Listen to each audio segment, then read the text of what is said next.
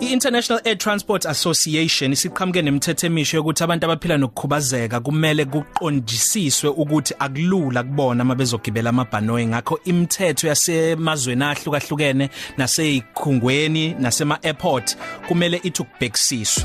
Omunye nje umthetho uthi kumele kucace kusheshe kubonakale kuqame izinto kubona abantu abaphila nokukhubazeka kwesinye isikhathi baphatha ama gadgets enza ukuthi abasize njengalento econtroller i-wheelchair. Yep.